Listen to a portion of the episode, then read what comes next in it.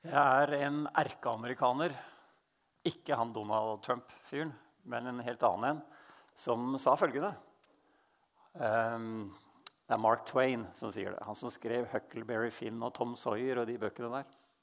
De to viktigste dagene i livet ditt er dagen du ble født, og dagen du finner ut hvorfor.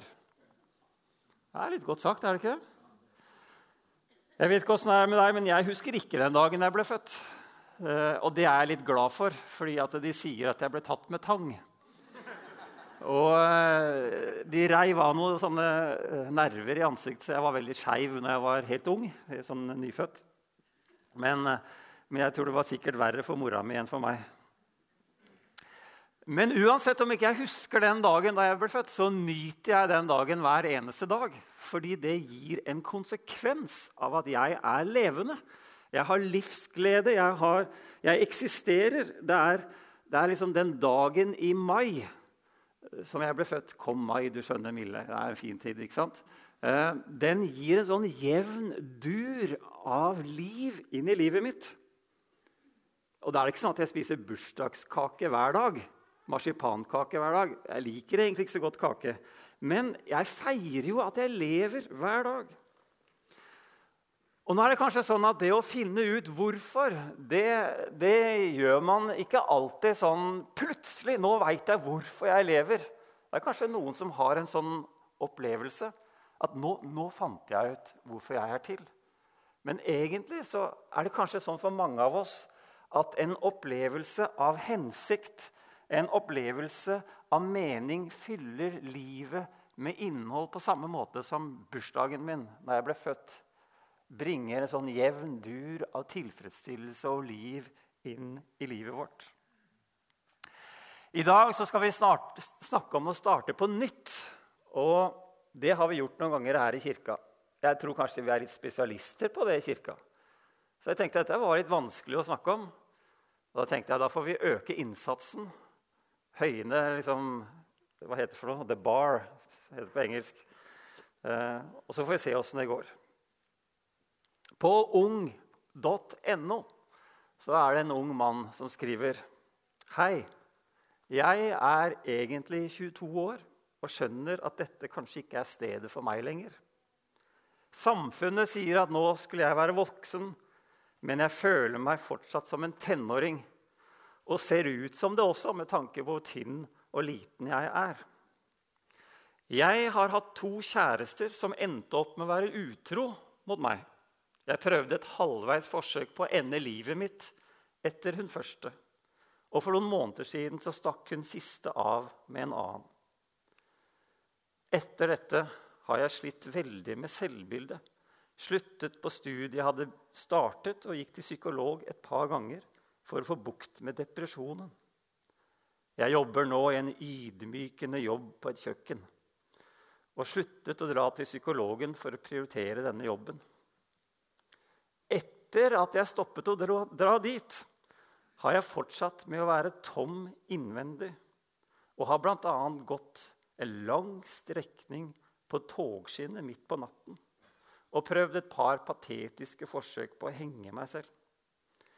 Grunnen til dette er at jeg føler meg utrolig ensom. Selv om jeg fortsatt bor sammen med familien min. Jeg merker at dette tærer på alle sammen her hjemme, og jeg vet ikke hva jeg skal gjøre lenger. Alt jeg gjør, føles bare halvveis ut, og jeg gleder meg ikke over noe lenger. De få vennene jeg har, tar sjelden eller aldri kontakt lenger. Sikkert mye fordi jeg prioriterte ekskjæresten foran dem. Det blir bare snakk de få gangene jeg ser dem. F.eks.: Vi må finne på noe en dag, da. Men jeg hører aldri fra dem. Dagene mine går bare til jobbing, og ellers sitter jeg hjemme og ser på film eller spiller og tenker på at jeg bør begynne å trene snart. Men det blir det aldri nå.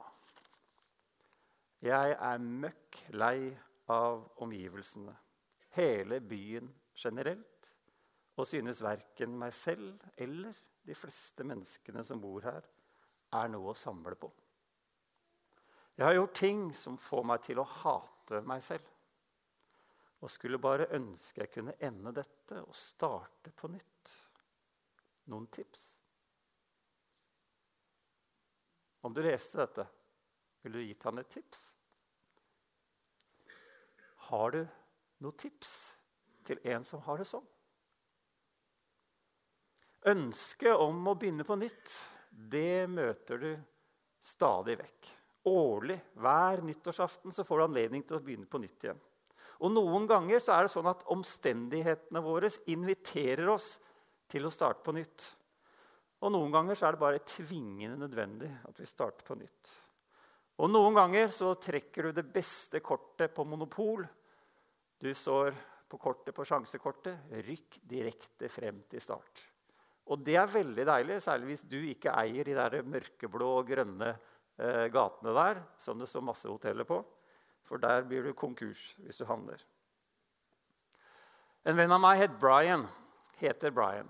Han var oppvokst i New York, koreaner, og hadde menga seg med den koreanske mafiaen i New York. Når jeg møtte han, så hadde vennen hans blitt skutt på restaurant, åpen restaurant, og han var traumatisert. Så fikk han reise til Sør-Amerika, helt syd på disse små øyene i Sør-Amerika. Og der fikk han lov å begynne på nytt, fordi han kom på et nytt sted. Og han som var en traumatisert, inneslutta gutt i New York, ble en utadvendt helsearbeider i Sør-Amerika. Selv så hadde jeg litt trøbbel med å si R når jeg var liten. Jeg hadde en far som kom fra Vestlandet, en mormor som kom fra Vestlandet. Og, og jeg valgte den, den, varianten av R. Ikke helt ordentlig, men sånn nesten ordentlig. Og det ble jeg jo litt mobba for. og Jeg måtte ut av klassen og inn til logopeden. Og vi satt der og leste disse ordbøkene. Brr og drr og srr og alt mulig disse greiene. Og etter hvert så kunne jeg si R. Kunne det. Jeg ble jo ganske god, faktisk. Men jeg gjorde det ikke. For jeg kunne jo ikke bytte. Det var jo jeg som snakka med den der R-en som var litt rar. Og det er litt uheldig vet du, når det heter Runar med to r-er. Det var ikke lett. Så når jeg hilste på folk, så var det noen ganger de liksom gjentok 'Å, sa du Vidar?' sa de. 'Nei, Runar', sa jeg. Prøvde så godt jeg kunne. Vet du når jeg bytta? Ja, For du hører at jeg skarrer ikke lenger. Jeg bytta da jeg var 22 år gammel. Da hadde jeg vært i utlandet i to år og kom hjem og hadde nesten glemt norsken. Begynte å studere på Blindern og på MF. Så tenkte jeg nå her er det ingen som kjenner meg. Nå kan jeg begynne på nytt. Og så begynte jeg å snakke med R. Rulle-R. Ok? Jeg har blitt ganske god. Men det var noe som holdt meg litt fast i det gamle mønsteret. Jeg kunne jo ikke bytte. Jeg måtte ha en anledning til å starte på nytt. Min utfordring med R var jo ikke så veldig vanskelig. Og ingenting sammenligna med den andre 22 år gutten som jeg akkurat leste om. Han som var suicidal og deprimert. Han spurte etter tips. Har du noen idé? Kan man starte på nytt selv fra hans situasjon? Hans situasjon var en blanding av egenpåførte lidelser blanda med tilfeldigheter og med andres svik. Så jeg tenkte litt på det. Åssen er det man egentlig går seg vill? Hvordan blir man bortkommet? Er det liksom sånn at man, man kanskje kjører bil, og så kjører man seg vill? Så er man kjent, man er kjent, jeg, jeg, vet hvor jeg er. Og så plutselig så er jeg vill. Er det sånn det skjer? Eller går du en tur i skogen, og så, og så, og så er du liksom ja, 'Her har jeg gått før. Her har jeg gått før.' Så plutselig så har du gått deg vill. På fredag så snakka jeg med en kar som sa han hadde trodd.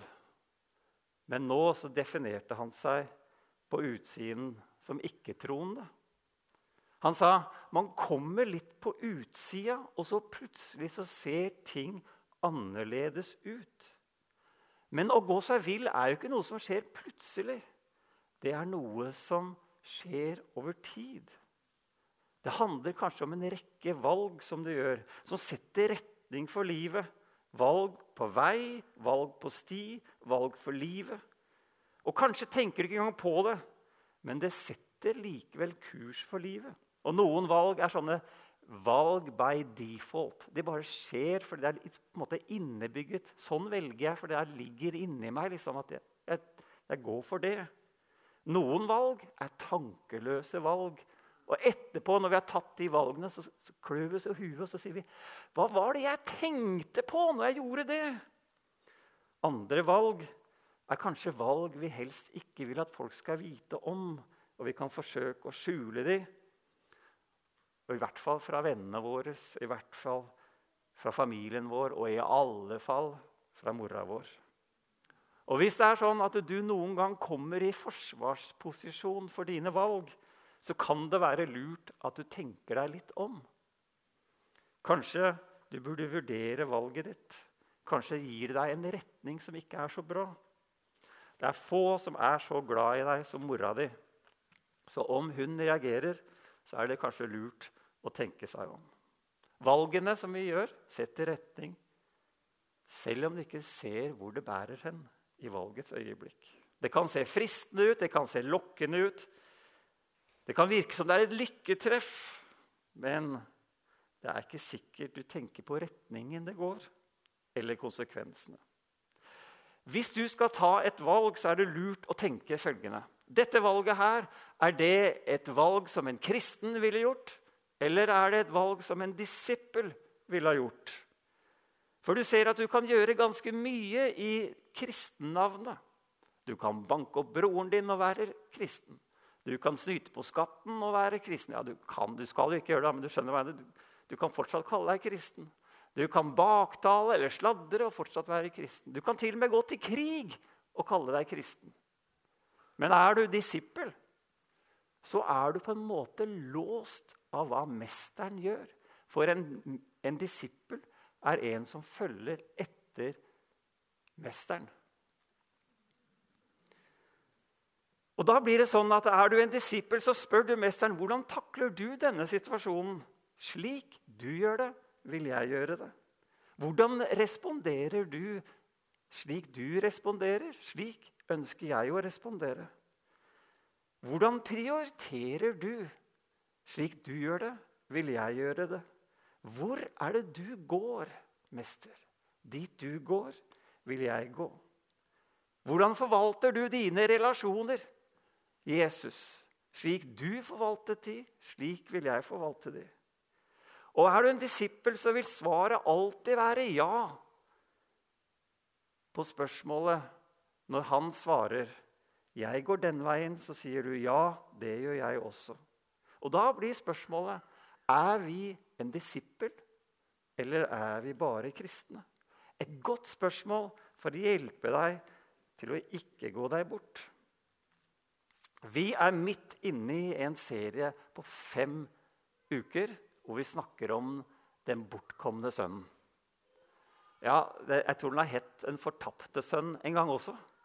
Men i den nye oversettelsen så heter den 'Sønnen som kom hjem'. Historien om sønnen som kom hjem. Hvilken spoiler på tittelen! Da vet du hvordan det gikk. Hæ? Men i denne historien så er det tre personer. Det er én far og to sønner. Og du veit åssen det går. Jeg tror Martin snakka om det sist gang, men vi kan ta det fort. Den yngste vil ha arven sin på forskudd.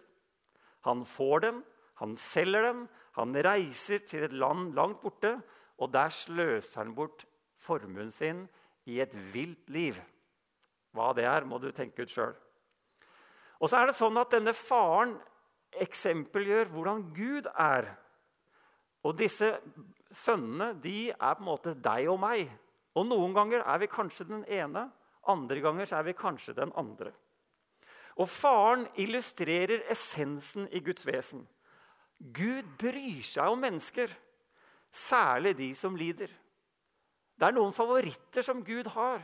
Det er liksom enker og farløse, de som lider, de som sulter, og de som er innflyttere, de som er utafor. Alle de er på en måte Guds favoritter. Og I denne situasjonen så er det sånn at den yngste sønnen han sløser bort hele arven. Og så blir det hungersnød, og så blir det ordentlig ille. Han må ta seg jobb som grisepasser, og så må han spise maten til grisene. Og Svogeren min er grisebonde på Hedmarken. Der er det sånn at du vil helst ikke komme i nærheten av det stedet. Kanskje ikke engang 300 meter unna på de riktig varme sommerdagene, for det lukter ille. Så det å være grisepasser det var liksom noe langt der nede. Men det var ikke bare det at det lukta ille og maten var dårlig. Det var også en religiøs opplevelse av at grisene var så urene dyr. Så det var det nederste og mest nedverdigende du kunne bli en grisepasser. Og så er Det sånn at det mest sentrale i denne historien her er det som ikke det står noen ting om. I historien om den bortkomne sønnen. For farens aksept av ønsket til sønnen er jo helt utrolig. Hva om, det, om, du hadde hatt en sønn, og så kom han til deg og så sier han, du, nå, pappa, nå vil jeg ha arven. Bak der så sitter sønnen min. Han heter Emil. Han er 18 år gammel. Og det er jo en sånn passende alder. Tenk, tenk om han da kom til meg og så sier han, du, pappa, nå må du høre. Jeg har sett en Lamborghini. Den må jeg ha! Så pappa, nå må jeg få arven min på forskudd. Hva hadde jeg gjort da? Da hadde jeg satt ham ned og sagt du, Emil, nå må du høre her. Nå skal vi ha en liten alvorsprat. For det første, hør på meg nå. Jeg er ikke død ennå, hadde jeg sagt til ham. Og så hadde jeg sagt det andre tingen. Jeg hadde sagt, Emil, det er en annen ting du må lære deg. Det er at biler er generelt sett en elendig investering. Det er noe som heter verditap på biler. Så har jeg begynt å snakke fornuftig. han gutten, ikke sant? Og så har jeg sagt at du, nå må du høre det. Bilprisen din den må stå i sammenheng med resten av livet ditt. Du kan ikke være skoleelev og kjøre Lamborghini. Det matcher ikke. Du må leve et annet liv skal du kjøre en Lamborghini. Og så hadde jeg prøvd kanskje å gitt han en del fornuftige råd om forvaltning. Og hadde ikke det funka, ja, da hadde jeg nok eh, ringt til broren min og så har jeg sagt du, Brutter, nå må du komme og ha en liten prat med Emil. Og grunnen til at jeg har brukt han, det er at eh, Emil har nok ønska hele tiden, hele livet sitt at vi skulle bytte bilpark med broren min. Så jeg tenkte at han kunne kanskje si noen ting med autoritet inn i livet til Emil. Og Hadde ikke Emil tatt til fornuften da, så hadde jeg ringt til Martin, pastor Martin. Nå må du komme og tale et par fornuftord med han her. Han må lære seg å oppføre seg. Men det gjør jo ikke faren i denne historien. Faren han bare gir arven sin. Og det var jo ikke sånn at faren var overraska at sønnen mangla litt visdom. Han hadde jo bodd sammen med han over tid. Han var ikke sånn at han ikke visste at han ikke var den beste til å forvalte penger. At han mangla et økonomisk kompetanse. Men faren pressa ikke. Han manipulerte ikke. Og han tvang ikke sønnen til å velge annerledes. Og hvorfor gjorde ikke faren det?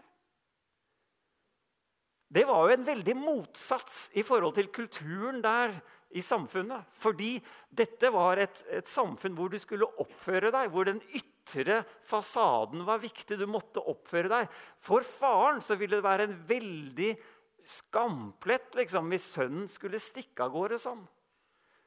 Dette gjorde man jo ikke. Men det var jo fordi at faren ønska seg noe annet enn en korrekt religiøs oppførsel. Han hadde noe annet som han ønsket seg.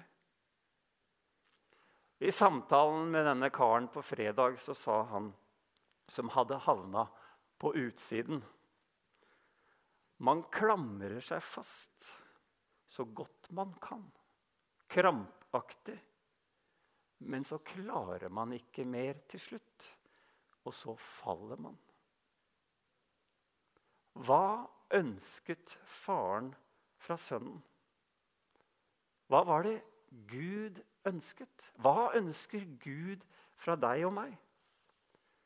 en forventet korrekt religiøs oppførsel? Skal du klamre deg fast til et korrekt liv? Ønsker Gud at vi skal gi ham pengene våre? Ønsker han at vi skal gå regelmessig i kirka?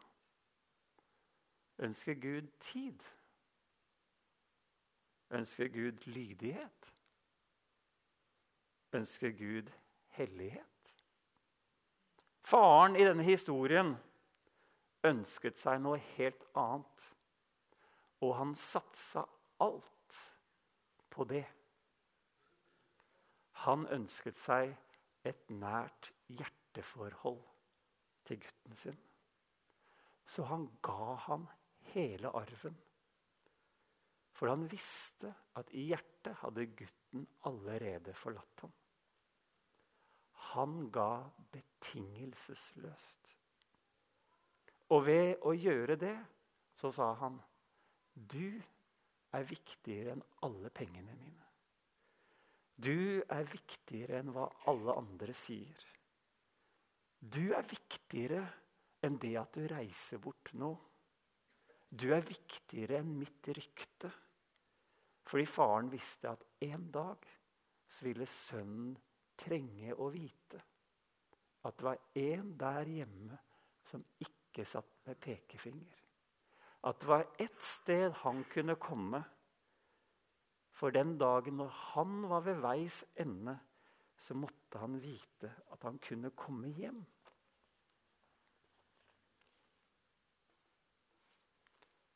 Og Kanskje er det sånn at du har havnet litt sånn som denne unge mannen på 22 år som vi startet med å lese med. Med depresjon og tatt valg og blitt ensom og syns ting er fryktelig vanskelig. Kanskje kan du på en måte identifisere deg med den bortkomne sønnen.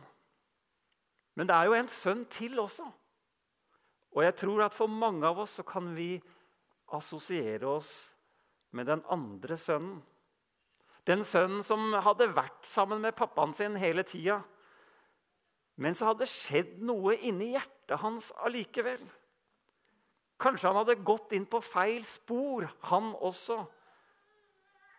Og han hadde behov for å starte en ny retning, men det syntes ikke på utsida. Det er en eh, kar som jeg er veldig glad i, holdt jeg på å si, som, som synger og spiller musikk, som heter Keith Green. Han synger om seg sjøl, og så sier han Å ja. ja. Det var faren som ville bygge bro til sin sønn. Der kom i den. Ok. Her er teksten til, til Keith Green. Han synger om seg sjøl og sitt eget trosliv, som har blitt stivt og gammelt og trøtt. Og han sier, 'My eyes are dry. My faith is old. My heart is hard. My prayers are cold.' Og så sier han da på norsk da, 'Øya mine er blitt tørre. Jeg griner ikke lenger. Jeg er blitt ufølsom, liksom. Troen min har blitt så gammel. Jeg vet at tro egentlig er en ferskvare. Men det er liksom bare barnetro igjen. Eller det er blitt noe gammelt. Det er ikke noe nytt. Den har ikke vokst. Har ikke, det er ikke noe friskt. Hjertet mitt er blitt hardt. Jeg beveges ikke lenger. Og bønnene mine er kalde. Uten engasjement, forventning. Om du tenker på hjerteforholdet ditt, det du hadde før til Gud så veit du kanskje at det har stivna. Blitt mer og mer uviktig og erstatta med prinsipper, kanskje. Og kanskje trenger du å si til Gud nå er tiden for at du skal ta plogen din og begynne å pløye litt i jorda i hjertet mitt. Fordi det er blitt så tørt og hardt og stivt og støvete her inne at det er lite eller ingenting som vokser lenger. Kanskje kan vi finne, finne litt fruktbar jord litt lenger ned. Og uansett om du er den borteværende, den bortkomne sønnen, eller om du er den hjemmeværende sønnen, så er det den bortkomne sønnen som viste oss hvordan vi kunne starte på nytt igjen. Han kom til seg selv, står det. Han erkjente et behov for endring. Og så var det ikke bare sånn at Han visste at nå må jeg forandre noe her. Jeg må, ha, jeg må fikse på en forferdelig situasjon. Men han handlet på det. Og så brøt han opp og dro hjem. Det er en eh, pastor fra USA som heter John Ortberg. Han sier det handler ikke om å gjøre noe som er heroisk. Det handler om å gjøre én ting som du kan gjøre om og om igjen uten å bli trøtt eller utbrent. Det handler om å overgi seg. Så vil du starte på nytt, sånn som disse burde gjøre. Den fortapte sønnen, han på 22 år, den hjemmeværende sønnen. Kanskje du og jeg også. Om du vil starte på nytt, så vil jeg stille deg et spørsmål. Er det noe som du holder fast på, som du burde gi slipp på? Er det noen ting du holder fast på, som er en byrde for deg? Er det noe som du holder fast på, som hindrer deg, eller som gjør at du beveger deg saktere? Er det noen ting som du holder fast på, som sårer deg, eller som sårer andre som bor sammen med deg, eller er sammen med deg? Kanskje kunne vi stille spørsmålet til noen der hjemme. Er det noe jeg burde gi slipp på? Det er en fin måte å starte på nytt. Salmisten skriver den lengste salmen i Bibelen. Den går over seks hele sider. Jeg er veldig glad ikke dere sang en sånn lang salme i dag. Det er 175 vers. Det er mange. Lengste kapittel i hele Bibelen. Sitter han og forteller om hvor fantastisk Gud er, og hvor fantastisk Guds ord er, og alt mulig sånne ting. Og så kommer han til vers 176, det siste verset. Og så sier han Jeg har gått meg vill som en bortkommen sau. Let etter meg. Det er en fantastisk bekjennelse etter 175 positive vers om Gud og Guds ord. Plutselig så ser han seg sjøl, og så sier han, 'Jeg har gått meg vill som en bortkommen sau. Gud, let etter meg. Kjære Jesus. Jeg ber om at alle vi som sitter her inne, skal vite det mer enn noe annet. At det er mulighet for å starte på nytt igjen sammen med deg. Og jeg ber Jesus at du skal hjelpe oss til å erkjenne hvor vi trenger å starte på nytt igjen, og så handle på det. Jeg ber at du skal gi oss mot. Jeg ber at du skal vise oss vei.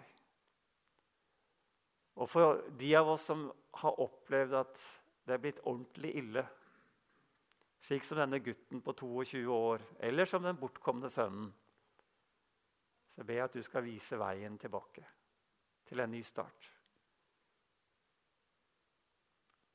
Og så har jeg lyst til å be deg, Gud, om å helle vann og olje på disse hjertene våre, slik at de skal forbli myke. Og om det har blitt gammelt og stivt og tørt, så ber vi Jesus at du skal varme det opp og myke det med en sånn forsiktig massasje. Hjelp oss til å starte på nytt. Selv om vi har vært en hjemmeværende sønn. Riktig i oppførsel men allikevel så har hjertet vært litt på avstand. Vi ber Gud om at du skal være nær hos oss og berøre oss. I Jesu navn. Amen.